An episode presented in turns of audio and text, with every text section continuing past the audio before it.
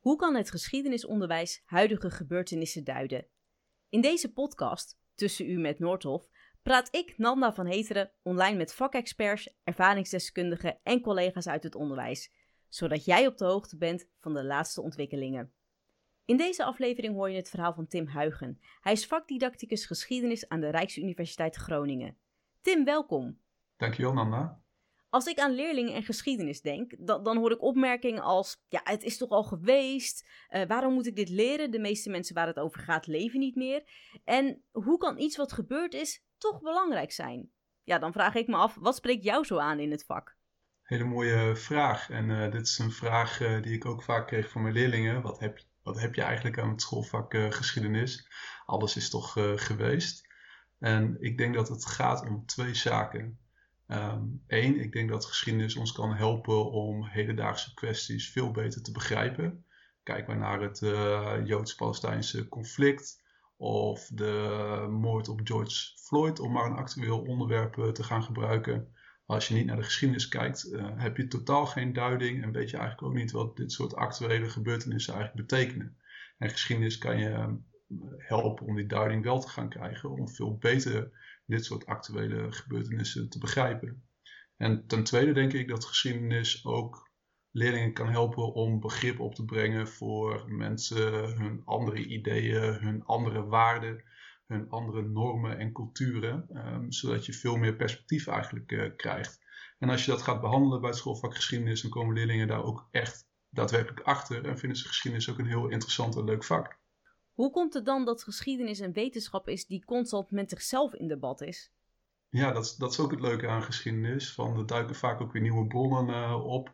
Een mooi voorbeeld is bijvoorbeeld na 1989, na 1991 openen bijvoorbeeld heel veel archieven in het voormalig Oosten. En dan moet je denken aan uh, de val van uh, de Berlijnse muur en het uiteenvallen van de Sovjet-Unie. Toen kregen we in één keer veel meer informatie over wat daar daadwerkelijk gebeurde vanuit een perspectief, vanuit bijvoorbeeld de Sovjet-Unie of vanuit Oost-Duitsland. En daardoor krijg je veel meer inzicht in uh, de, de, relevante historische gebeurtenissen. Dus ik, dat maakt het ook wel een heel mooi en dynamisch vak.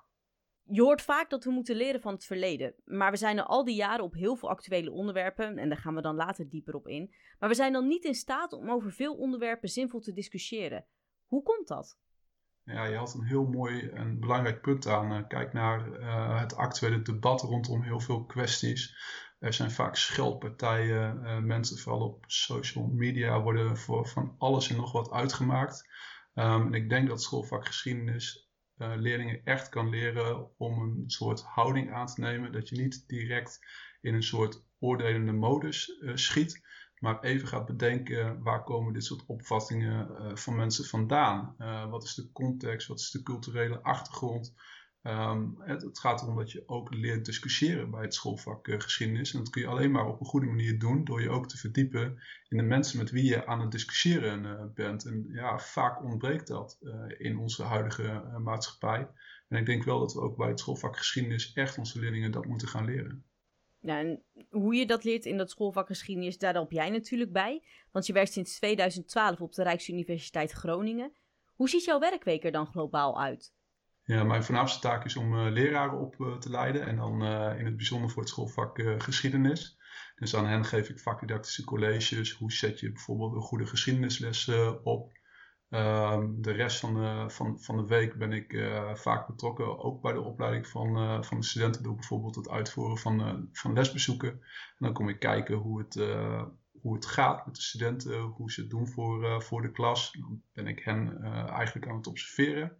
Um, en verder heb ik nog wat diverse managementtaken, zit ik in diverse commissies en voer ik ook nog wetenschappelijk onderzoek uit naar hoe je eigenlijk docenten het beste kunt opleiden. Oh, met welk wetenschappelijk onderzoek ben je nu dan bezig? Oh, dat zijn er heel, uh, heel veel. Uh, maar wel heel erg interessant om uh, bijvoorbeeld te noemen, uh, is dat we met twee docenten op een school bezig zijn met het opzetten van een groot onderzoek naar het gebruik van een portfolio, een digitaal portfolio. En in dat portfolio kunnen leerlingen en docenten zien hoe goed de leerlingen zijn in bepaalde vaardigheden. Dus het helpt leerlingen ook hopelijk om inzicht te krijgen in hun leerproces met betrekking tot een aantal specifieke historische vaardigheden.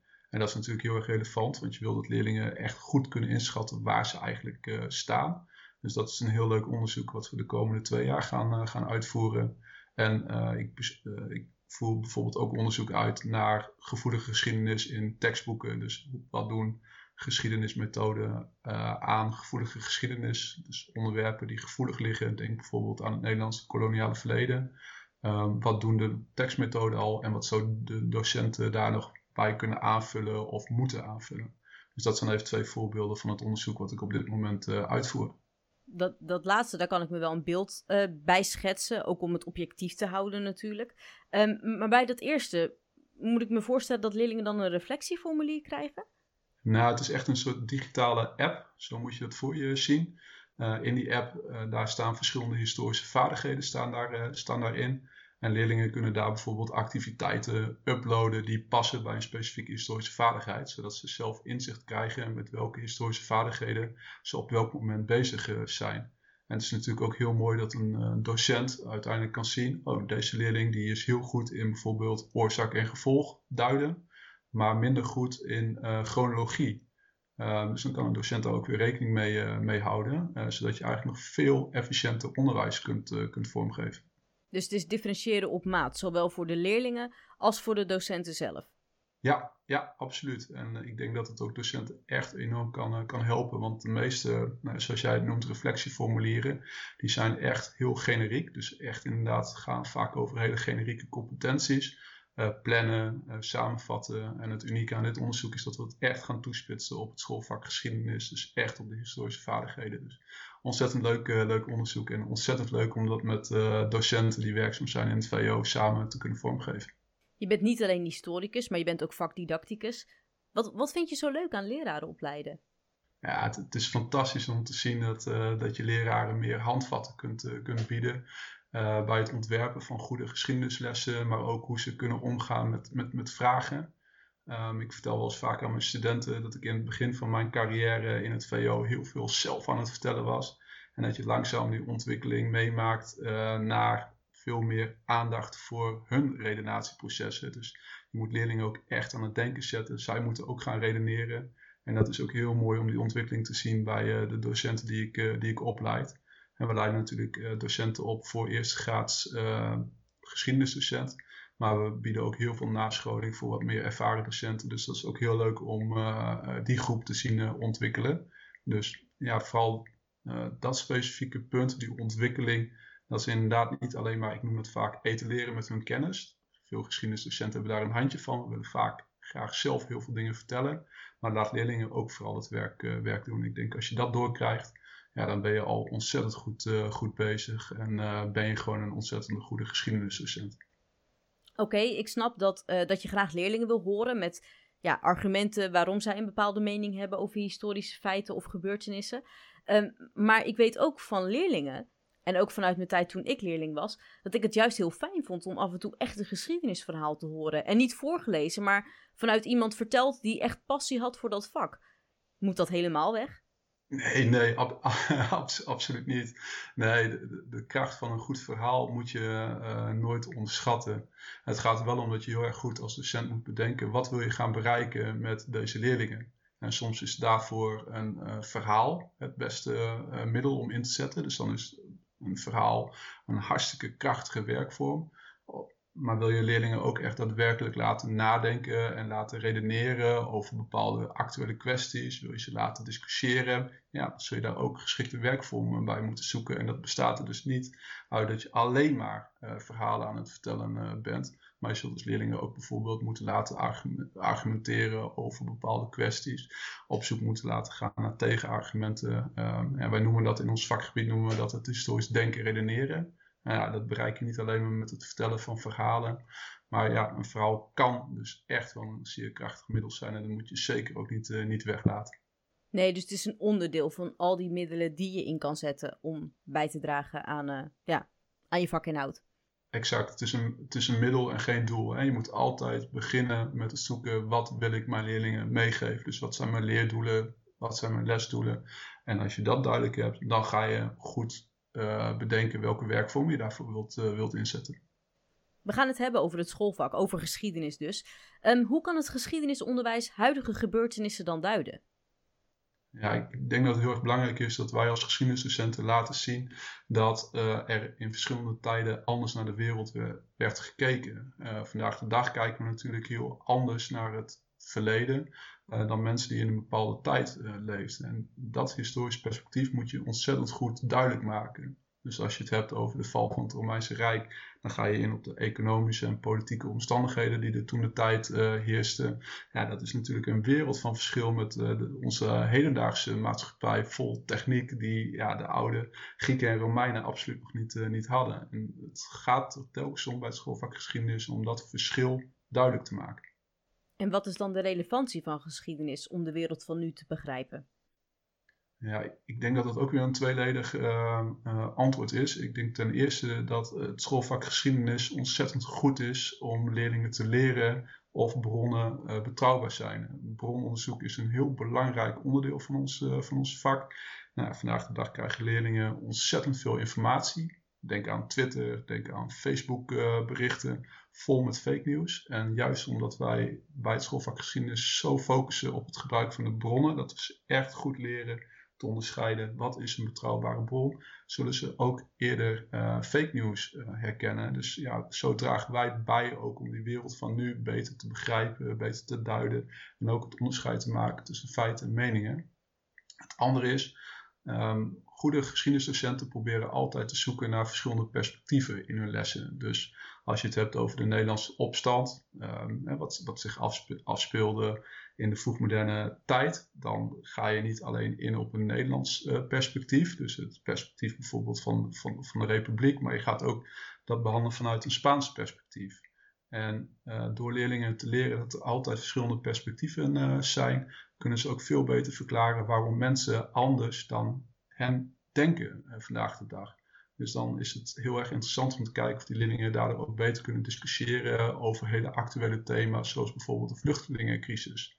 Um, ik, ik, denk dat deze twee punten echt een hele belangrijke bijdrage zijn uh, voor leerlingen om de wereld van, van nu beter te begrijpen, om meer handvatten eigenlijk te krijgen, om daarmee om te gaan. Met de kennis van nu zouden keuzes en, en daarmee dus ook de gevolgen mogelijk anders zijn. Hoe kan je als docent in jouw onderwijs er het beste voor zorgen dat leerlingen de geschiedenis niet veroordelen? Ik denk dat het heel erg belangrijk is dat je telkens leerlingen leert om te kijken naar de specifieke omstandigheden. Wanneer speelde het verschijnsel zich af? Waar speelde het verschijnsel zich af? Hoe keken mensen toen naar de wereld? Wat waren toen de waarden? Wat waren toen de normen? En als je leerlingen zo'n houding bijbrengt, uh, dan krijgen ze veel beter begrip voor zo'n historisch verschijnsel. Het gaat natuurlijk niet om het, om het goed praten van bepaalde historische gebeurtenissen, maar het gaat wel om het verklaren daarvan. En daarvoor heb je echt nodig dat die bijzondere omstandigheden in kaart worden gebracht. Ik denk dat dat één uh, mogelijkheid uh, is. Het, de tweede mogelijkheid is, is dat je denk ik constant bewust moet zijn um, van het feit dat leerlingen opmerkingen kunnen maken van ah, die mensen in het verleden waren allemaal dom en achterlijk. Het is juist heel mooi als je dat soort uitspraken naar boven krijgt. Dus als een leerling dat zou roepen in een klas, ben ik als docent dolblij, want dan kan ik ze laten zien. Ja, je doet niet zo'n uitspraak, maar kijk eens eventjes terug naar de specifieke context. Hoe gedroegen mensen zich? Wat waren toen de, toen de wetten? Hoe zat toen de economie in elkaar? En als leerlingen dat gaan doorkrijgen, ja, dan zullen ze ook anders gaan kijken naar historische verschijnselen. En naar verwachting ook naar actuele verschijnselen. Docenten uit het voortgezet onderwijs hebben gevraagd om meer wereldgeschiedenis in het curriculum te bouwen. Mm, dat bouwt dan natuurlijk voort op wat je net zei, zodat we een breder perspectief hebben en feitelijke juistheden en uh, een overzicht van wat er toen gebeurt. Nou ja, wij bij Noordhof doen dat door ons online platform nu actueel elke twee weken uh, met nieuwe lesopeners te vullen met opdrachten, vragen en fragmenten. Dus alle docenten die kunnen dan gratis in hun les gebruik maken daarvan. Maar wat vind jij? Moet het huidige curriculum veranderd worden door meer wereldgeschiedenis te integreren? Ja, ik, denk dat dat wel een positief effect kan, uh, kan hebben. Uh, de vraag blijft dan natuurlijk staan: heb je dan voldoende bronnen uit bijvoorbeeld ook de niet-westerse wereld? we weten ook uit onderzoek dat zulke bronnen soms heel lastig toegankelijk zijn. Dus ik denk wel dat een voorwaarde um, hiervoor moet zijn dat je voldoende, voldoende bronmateriaal hebt. En bovendien zitten er ook in het huidige curriculum al wel mogelijkheden om meer wereldgeschiedenis te implementeren. Alleen vereist dat soms net een andere aanpak van bijvoorbeeld een kenmerkend aspect. En wij werken bij het schoolvak geschiedenis met een aantal kenmerkende aspecten. Die horen bij een van de tien tijdvakken. Ehm, maar ja, ik, kan de oproep uh, van veel docenten heel erg goed uh, begrijpen. En ook voor het nieuwe eindexamenprogramma is er bijvoorbeeld een context uh, China toegevoegd. Alleen, ja, sommigen zeggen weer dat dat heel erg vanuit een westerse blik die context is ingevuld. Terwijl je toch eigenlijk veel meer juist vanuit het Chinese perspectief zo'n context wil, wil behandelen. Dus Um, het, het, blijft heel ingewikkeld, denk ik, om wereldgeschiedenis in het curriculum uh, te implementeren. Maar ik, ik juich dat zeker toe, omdat je dan automatisch meerdere perspectieven krijgt. Het is heel erg interessant om niet alleen vanuit uh, Europese landen naar het hele koloniale proces te kijken, maar ook juist vanuit de kolonie zelf. Hoe hebben de mensen daar um, het ervaren? Uh, wat, wat voor kwesties leefden er in de, kolonies onder de gewone mensen, onder de gewone inheemse bevolking? Ja, dat, zijn, dat vragen waar uh, geschiedenisdocenten niet altijd aan toekomen, uh, maar die ik wel heel erg belangrijk vind. Je antwoord verbaast me eerlijk gezegd, want nu, oké, in het leven voor corona en hopelijk ook hierna, dan hebben we toch echt te maken met dat de wereld eigenlijk één groot dorp is. Dat we heel makkelijk naar de andere kant van de wereld kunnen en dus ook die informatie toegankelijk is voor ons. Uh, als we dan bijvoorbeeld kijken, terugkomend op de journalistiek, dan hebben we iemand vanuit die invalshoek, bijvoorbeeld aan tafel of in een artikel of in het item aan het woord, en iemand met de andere invalshoek, dus vanuit het Chinese perspectief bijvoorbeeld en vanuit het Europese perspectief. Dan kunnen jullie toch ook gebruik maken van vakexperts uit China om die kant van de geschiedenis toe te lichten? Zeker hoor, en dat, dat, gebeurt, dat gebeurt ook zeker. En uh, een mooi project is bijvoorbeeld ook als je leerlingen kunt laten samenwerken met bijvoorbeeld Russische leerlingen via Skype.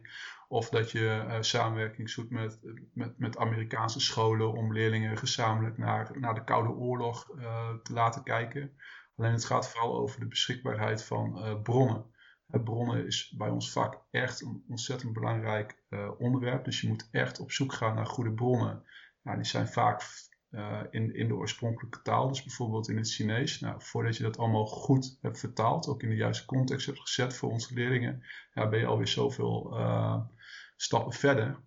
En ik denk dat daar de grootste belemmering uh, zit. Maar ja, natuurlijk bieden de huidige mogelijkheden ontzettend veel mogelijkheden om veel meer perspectieven eigenlijk in de les aan de orde te stellen. Ja, en het voorbeeld wat ik net noemde van die samenwerkingen tussen, tussen leerlingen, dat, dat juich ik ontzettend toe. Ik denk dat dat heel erg interessant kan zijn. En er is ook een mooi project bijvoorbeeld uitgevoerd met een school in Groningen en een Duitse school. En het ging over de Tweede Wereldoorlog. En dan zie je echt dat verschillende perspectieven bij zo'n beladen thema bij elkaar komen. En dat leerlingen dat heel erg interessant vinden, en, zodat ze kunnen leren van elkaar. Dan, dan hebben we het eigenlijk automatisch ook al over onze vaderlandse geschiedenis. Als we dan kijken en vergelijken met de wereldgeschiedenis. Uh, wat betekent dat voor ons uh, en, en onze drie belangrijke pijlers, namelijk de Gouden Eeuw, de tijd van Napoleon en de Tweede Wereldoorlog. Kunnen we die dan nog wel goed behandelen in de Nederlandse geschiedenisles? Nou, een hele, hele interessante vraag. En het, is, het is, eh, jouw vraag is eigenlijk al ontzettend leuk lesmateriaal. Want uh, kijk al, alleen al naar de benamingen. Uh, vaderlandse geschiedenis en, en Gouden Eeuw. Ehm, over wiens vaderlandse geschiedenis hebben wij het dan eigenlijk? En hoe goud was de, was de Gouden Eeuw? Dus Eigenlijk moet je dit soort vragen ombuigen richting een soort didactisch invalshoek door bijvoorbeeld aan leerlingen te vragen. Um, kun je nog wel spreken over de Gouden Eeuw? Veel musea hebben deze term bijvoorbeeld uitgehaald. Nou, je zou leerlingen heel mooi kunnen voorleggen. Ben je het eens met deze keuze? Vind je dat terecht? Waarom wel? Uh, waarom niet?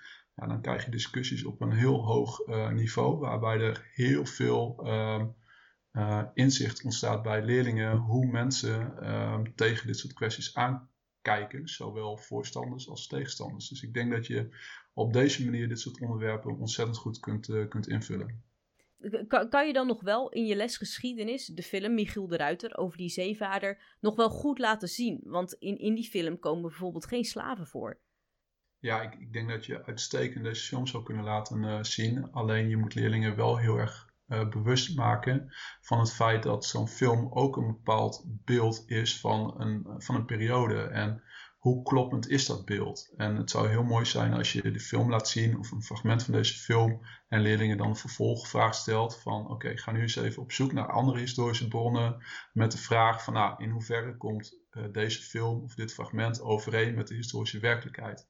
En dan leer je ook zien dat ja, zo'n film ook gemaakt is door een regisseur die bepaalde ideeën heeft, die een bepaalde visie heeft. Um, en dat hoeft niet per se uh, overeen te komen met de historische werkelijkheid. En als leerlingen dat besef krijgen, ja, dan heb je al een heel belangrijk doel van het geschiedenisonderwijs gehaald. Dus even resume, het schoolvak geschiedenis helpt om maatschappelijke ontwikkelingen en de tijd waarin we nu leven kritisch onder de loep te nemen. Maar in hoeverre kunnen we leerlingen deze kritische houding dan aanleren? Oh, het, is, het, is, zeker aan te leren en we hebben heel veel vakdidactisch onderzoek die dat ook, uh, of wat dat ook bevestigt. Um, ik, ik, denk dat een hele belangrijke stap is dat je de uh, beelden die leerlingen meenemen, um, dat je die boven tafel krijgt, zodat je er ook iets mee kunt, uh, kunt doen. En leerlingen hebben allerlei beelden bij historische gebeurtenissen door films, door uh, andere vormen van media, door verhalen van hun ouders. En het hoeven niet per se kloppende historische beelden te zijn. En zodra je die beelden van leerlingen echt goed in de kaart hebt, ja, dan kun je ze gaan bijstellen als docent door ze bijvoorbeeld aan te leren. Kijk nu eens naar zo'n historische gebeurtenis. Wanneer speelde die gebeurtenis? Waar speelde die gebeurtenis? En nou ja, hoe zag toen uh, de, sociale, politieke, economische werkelijkheid uh, eruit? En het in kaart brengen van die context is echt een cruciale stap. En als leerlingen dat leren, al dan, al dan niet met behulp van stappenplannen, uh, ja, dan, dan kunnen ze veel beter historische gebeurtenissen verklaren. En in welke mate verschilt die kritische houding als je bijvoorbeeld kijkt naar het leerjaar en het niveau? Ja, die, die, deze kritische houding uh, en, en het aanleren is, is belangrijk uh, bij alle niveaus. Um, ook, ook in het uh, basisonderwijs. En het is zo cruciaal, want je wilt uiteindelijk ook als school zijnde wil je eigenlijk leerlingen afleveren die zich ook um, kunnen gedragen in een, uh, in een, in een maatschappij. Niet, niet direct gaan rellen als ze het ergens niet mee, uh, mee eens zijn. Je wilt ook dat ze genuanceerd kunnen discussiëren en niet mensen de huid vol uh, schelden op, op, op, Facebook bijvoorbeeld of op Twitter. Um, ik denk wel dat om zo'n historisch kritische houding te ontwikkelen bij leerlingen hebben ze wel voldoende historische kennis nodig. En er gingen op een gegeven moment ook wel stemmen op van ah, die historische kennis, dat kunnen ze allemaal wel, uh, wel googlen. Maar we weten pas dat leerlingen nou ja, bijvoorbeeld zo'n context kunnen creëren als ze voldoende historische kennis hebben. En leerlingen zullen dus ook moeten leren dat als ze zich ergens mee willen bemoeien of ergens over willen discussiëren over een actueel onderwerp, dat ze dan ook eerst echt voldoende uh, informatiebronnen uh, beschikbaar maken om nou ja, uiteindelijk tot een genuanceerd uh, oordeel te komen. Dus zonder historische kennis of zonder kennis van omstandigheden, ja, gaat die kritische houding ook niet, uh, niet lukken. Dus nou ja, bij het schoolvak geschiedenis blijft het aanleren van historische kennis ook ontzettend belangrijk. Juist omdat je daarna juist veel beter die historische vaardigheden kunt toepassen. Je had het net ook over de basisschool. Uh, kan je wat meer vertellen over hoe ze daar dan die kritische houding aan kunnen leren? Ja, dat, dat, dat is echt ook nog wel uh, work in progress. Het, uh, er is een heel mooi onderzoek uh, gestart.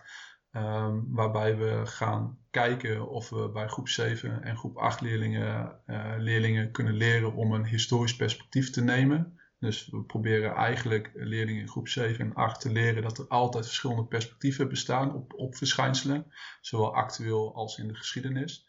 En we hopen door, door deze aanpak ook te zien bij uh, leerlingen dat ze ook nou ja, beter zich kunnen inleven in iemand anders.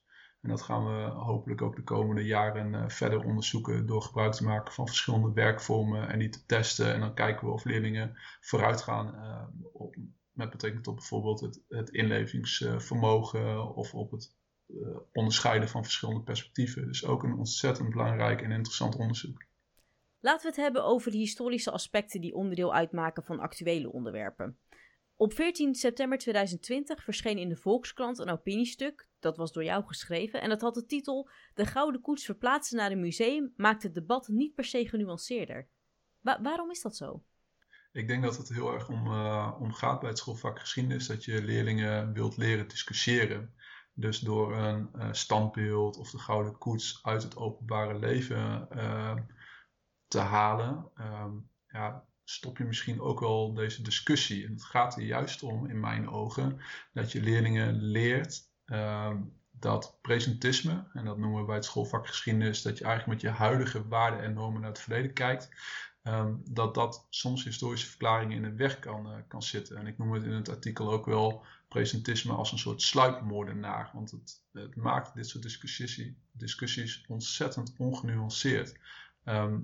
En je kunt dat voorkomen door leerlingen zich bewust te laten worden van het presentisme. Dus dat ze inderdaad weten van oké, in de tijd dat de Gouden Koets werd gemaakt, waren er ook hele andere normen, waren er hele andere waarden. En was er ook een heel ander wereldbeeld.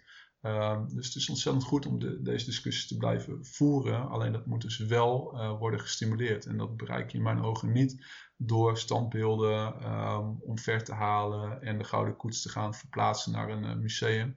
Je bereikt het juist door in de lessen geschiedenis veel meer aandacht te besteden aan een belangrijke vaardigheid. Uh, en we noemen dat dan historisch contextualiseren. Dus dat ze kijken naar de specifieke omstandigheden waarin zo'n historisch verschijnsel, in dit geval het ontstaan van de Gouden Koets, zich eigenlijk uh, afspeelde. Um, en dan moeten ze deze historische kennis eigenlijk gebruiken om dit veel beter te duiden en te begrijpen.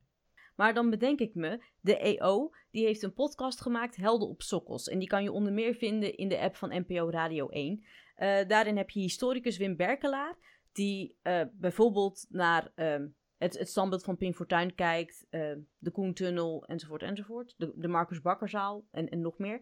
Um, en dan wordt er gekeken van, oké, okay, mag dit standbeeld blijven staan, bij wijze van spreken? Moet de takelwaken gekomen? Nogmaals, bij wijze van spreken. Of moet er een plakkaatje bij om die context beter te duiden? Um, nu zei jij van, hè, die gouden koets naar een museum zetten is, is geen goed idee om die reden. Um, is dit dan wel een, een, een goed idee om het er op die manier over te hebben? Ja, en, het zou nog mooier worden als je bijvoorbeeld deze podcast uh, zou gebruiken in je, in je lessen als docent zijn. Dan kun je inderdaad ook verschillende argumenten horen, uh, de argumenten gaan bestuderen en daarover uh, discussies stimuleren. En ik denk dat dat juist heel erg, heel erg mooi is. En ehm, ja, dit soort vraagstukken zijn natuurlijk ontzettend mooi lesmateriaal om te gebruiken in je, in je lessen geschiedenis. In hetzelfde artikel over de Gouden Koets gaat het over dat leerlingen moeten contextualiseren, waar we het net al over hadden. En daarin heb jij letterlijk gezegd dat leerlingen op basis van historische kennis een context creëren met als doel het verklaren van een gebeurtenis uit het verleden. Hoe kunnen docenten dit in hun les doen? Nou, een didactiek die wij hebben ontwikkeld, uh, uh, getiteld Het Vreemde Verleden. Um, en deze didactiek bestaat eigenlijk uit drie uh, fasen. In de eerste fase proberen wij dat presentisme, waar ik het net al eventjes over, uh, over had, dus dat leerlingen met hun huidige waarden en normen naar het verleden kijken, dat we dat eigenlijk boven tafel krijgen. Dus we beginnen met het presenteren van een bron die leerlingen in eerste instantie heel erg vreemd zijn. En, een, een favoriete bron voor mij is een, uh, laat zien hoe een vrouw in bikini op een Amerikaans strand werd bekeurd.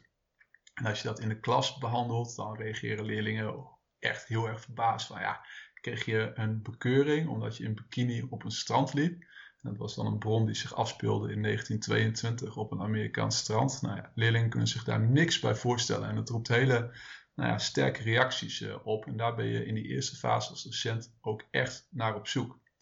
In de tweede fase ga je dan samen met de leerlingen uh, de historische context van die bron creëren. Dus we gaan kijken hoe de Amerikaanse wetgeving eruit zag in 1922. Hoe mensen dachten over zedelijk gedrag. Hoe de verhouding was tussen man en vrouw in die uh, tijd. Dus zo gaan we gezamenlijk met de, met de leerlingen ga je dan die hele context uh, in kaart brengen. Bij de derde fase ga je dan met de leerlingen nogmaals kijken naar de behandelde bron. Dus weer naar de afbeelding die de vrouw in bikini laat zien op zo'n Amerikaans strand. Maar dan laat je ze ook expliciet gebruik maken van de gecreëerde context. Dus ze moeten de informatie die ze hebben opgezocht of die ze hebben gevonden of hebben aangereikt gekregen door hun docent, moeten ze gaan gebruiken om nu die bron uh, nog beter te gaan interpreteren en te kunnen gaan verklaren. En je merkt dan ook dat na afloop, nou, leerlingen zijn het nog steeds niet mee eens. En daar gaat het ook niet om. Ze mogen het er prima mee oneens zijn. Maar ze kunnen nu wel verklaren, op basis van die gecreëerde context, waarom zo'n vrouw werd bekeurd. Nou ja, en als, als dat lukt, dan is dat natuurlijk fantastisch voor je als geschiedenisdocent. Want dan hebben ze dus dat principe van het historisch contextualiseren ontzettend goed toegepast. En kunnen ze dus veel beter dit soort historische gebeurtenissen verklaren. In het parool van 21 maart 2021 stond het opiniestuk Excuses over slavernijverleden kunnen Nederland verrijken. En dat stuk was gemaakt door Marcella Schute en Christine Mertens. Uh, je gaf eerder aan dat, je, dat dit een mooi artikel kan zijn als lesmateriaal. Hoe dat zo? Ja, dit artikel is fantastisch uh, lesmateriaal. Je kunt dat uitdelen aan leerlingen en dan met hen gaan onderzoeken of de historische feiten en argumenten die worden genoemd in het artikel eigenlijk wel kloppen. Dus je gaat eigenlijk dit artikel ga je dan beoordelen op basis van nou ja, betrouwbaarheid. En dat doe je dus door andere bronnen te raadplegen. En dan kun je bijvoorbeeld leerlingen een heel kort betoog laten schrijven, waarin ze moeten aangeven of ze het eens of oneens zijn met de auteurs. Dus het gaat niet zozeer uh, om of ze het eens zijn of dat ze het oneens zijn. Nee, ze moeten tot een weloverwogen oordeel komen op basis van hun eigen historisch onderzoek. En dat kan dan leiden tot een hele mooie discussie in, uh, in de klas. Dus ja, absoluut fantastisch uh, lesmateriaal, zo'n artikel. Dat brengt ons op een andere discussie van vandaag: Black Lives Matter. Geschiedenis moet dus ook zorgen, wat je zei, voor de culturele dialoog. Um, hoe zou je dat in de les meer ruimte kunnen geven? Ik denk dat je op een hele andere manier moet gaan kijken naar hoe wij het curriculum uh, bij het schoolvak geschiedenis hebben ingevuld. Vandaag de dag hebben we een chronologische kapstok met tien perioden. Uh, en dat is prima als een soort didactisch hulpmiddel voor leerlingen om gebeurtenissen te plaatsen uh, op, een, op een tijdpak bijvoorbeeld. Maar wat als we gaan denken in vragen zoals hoe kunnen wij in het curriculum zorgen voor culturele ontmoetingen? Um, of de vraag stellen hoe kunnen wij de historische inhouden selecteren uh, die recht doen aan verschillende uh, culturele samenlevingen. En hoe kunnen we in het curriculum verschillende bronnen vanuit verschillende culturen implementeren. Dan wordt geschiedenis echt ontzettend interessant. En ik denk ook dat zo'n invulling veel beter leerlingen opleidt tot mondige, kritische burgers die leven in een multiculturele samenleving. En ik vind dat dat nu nog mist in het uh, geschiedeniscurriculum, vooral in het HAVO-VWO-curriculum. Uh, uh, dat is redelijk dichtgetimmerd. Veel docenten moeten daar een heleboel historische inhouden behandelen. Maar wat nu als je ruimte creëert voor docenten om zich bezig te gaan houden met dit soort type vragen? Ik denk dat het geschiedenisonderwijs dan ook voor leerlingen veel interessanter en uitdagender wordt en ook eigenlijk veel leuker om te geven voor docenten. In hoeverre zouden leerlingen hier zelf een actieve bijdrage aan kunnen leveren? Ja, ze, ze kunnen een ontzettende goede eigen bijdrage uh, leveren. Want we hebben bijvoorbeeld op mijn oude middelbare school, waar ik uh, jarenlang heb gewerkt, hebben we een pilotproject uh, gedaan bij VWO 4, waarbij we leerlingen uh, een gedeelte van het curriculum zelf lieten invullen. Dus leerlingen mochten bijvoorbeeld zelf thema's aandragen waarover ze graag les wilden krijgen. En dat waren dan thema's waarmee ze kwamen die helemaal niet in het bestaande curriculum zaten. Denk aan Rosa Parks, uh, aan de hele Amerikaanse burgerrechtenbeweging, maar ook 9-11 zat er, uh, zat bijvoorbeeld expliciet in.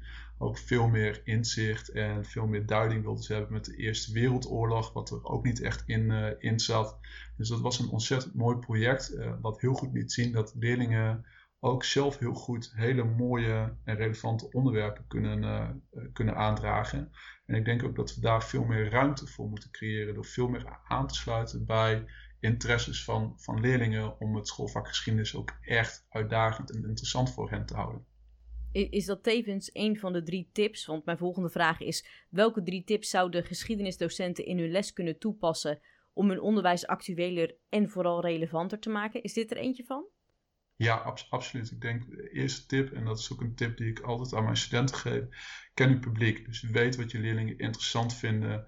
Uh, weet wat hun achtergronden zijn. Weet uh, waar ze sterk en waar ze zwak in uh, zijn. Dus ken het publiek en probeer dan ook rekening te houden in de didactieken die je kiest om daaraan tegemoet te komen. En als je denkt dat leerlingen heel erg, of, of je weet eigenlijk dat leerlingen heel erg politiek geïnteresseerd zijn, ja, dan kun je heel goed de Amerikaanse presidentsverkiezing van afgelopen november bijvoorbeeld gebruiken als een ingang om het begrip democratie uit te gaan, gaan leggen. Dan verbind je dus een heel actueel onderwerp met de historische leerstof. Nou, dat is echt een win-win uh, situatie. Een tweede tip die ik docenten graag wil meegeven is dat je leerlingen vergelijkingen laat trekken tussen actuele gebeurtenissen. Denk bijvoorbeeld aan, uh, aan het uitbreken van corona um, en historische gebeurtenissen zoals de uitbraak van de pest. leerlingen zijn ontzettend geïnteresseerd in alles wat maar betrekking heeft uh, tot uh, corona. Um, en je kunt dat gebruiken door ook te laten zien hoe mensen in het verleden met dit soort ziekten zijn omgegaan. Was er toen ook sociale onrust? Waren er toen ook rellen? Ehm, hoe, was het ziekteverloop toen? Wat waren toen de omstandigheden? Dus dat kan ook een hele interessante insteek zijn. Dus de tweede tip is echt voor docenten van ja, probeer dus vergelijkingen te trekken tussen historische gebeurtenissen en actuele gebeurtenissen. Waarbij je er wel altijd leerlingen bewust van moet laten maken dat er een verschil is tussen heden en verleden. En de derde tip die ik docenten graag zou willen meegeven is dat je ook thematisch kunt gaan werken. Je hoeft niet altijd chronologisch te werk te gaan, maar je kunt ook bijvoorbeeld een thema implementeren in je curriculum. En een mooi voorbeeld is bijvoorbeeld het thema muur. Donald Trump die wilde de, de, de, de, muur tussen Mexico en de Verenigde Staten veel hoger en veel verder eh, uit, uh, uitbreiden. Maar er zijn natuurlijk veel meer muren geweest in de geschiedenis. Dus hoe interessant is het om het thema muur te gebruiken en te laten zien dat er verschillende muren zijn geweest. Denk maar aan de Berlijnse muur, denk aan, aan de Klaagmuur en hoe verschillende samenlevingen daarop hebben gereageerd. Ik denk ook dat je daardoor hele actuele gebeurtenissen goed kunt plaatsen in een historisch perspectief. Dankjewel Tim dat je te gast was in deze podcast. Ja, graag gedaan uh, Nanne. Het was een ontzettende eer en ik vind de titel ook uh, heel erg leuk. Tussenuur met uh, Noordhof roept ook weer allerlei nostalgische gevoelens op van ja, een tussenuurtje op je eigen middelbare school om lekker snoep te gaan halen in zo'n ouderwets snoepwinkeltje. Dus alleen al de titel was, is fantastisch. En, en, ik merk ook dan een link met je eigen persoonlijke geschiedenis. Dus ja, je bent historicus in hart en ziel. In de, in de volgende aflevering hoor je trouwens Sebastian Dunzelman. Hij is vakdidacticus moderne vreemde talen en lerarenopleider aan de Vrije Universiteit in Amsterdam. We gaan met hem praten over woordenschat. Voor nu bedankt voor het luisteren naar de podcast Tussen U met Noordhof. Wil je geen aflevering missen? Ga dan naar jouw favoriete podcast-app om de verhalen te luisteren en abonneer je op deze podcast. Ben je enthousiast geworden of wil je meer weten? Noordhof organiseert ook trainingen. Ga naar noordhof.nl slash podcast voor meer informatie.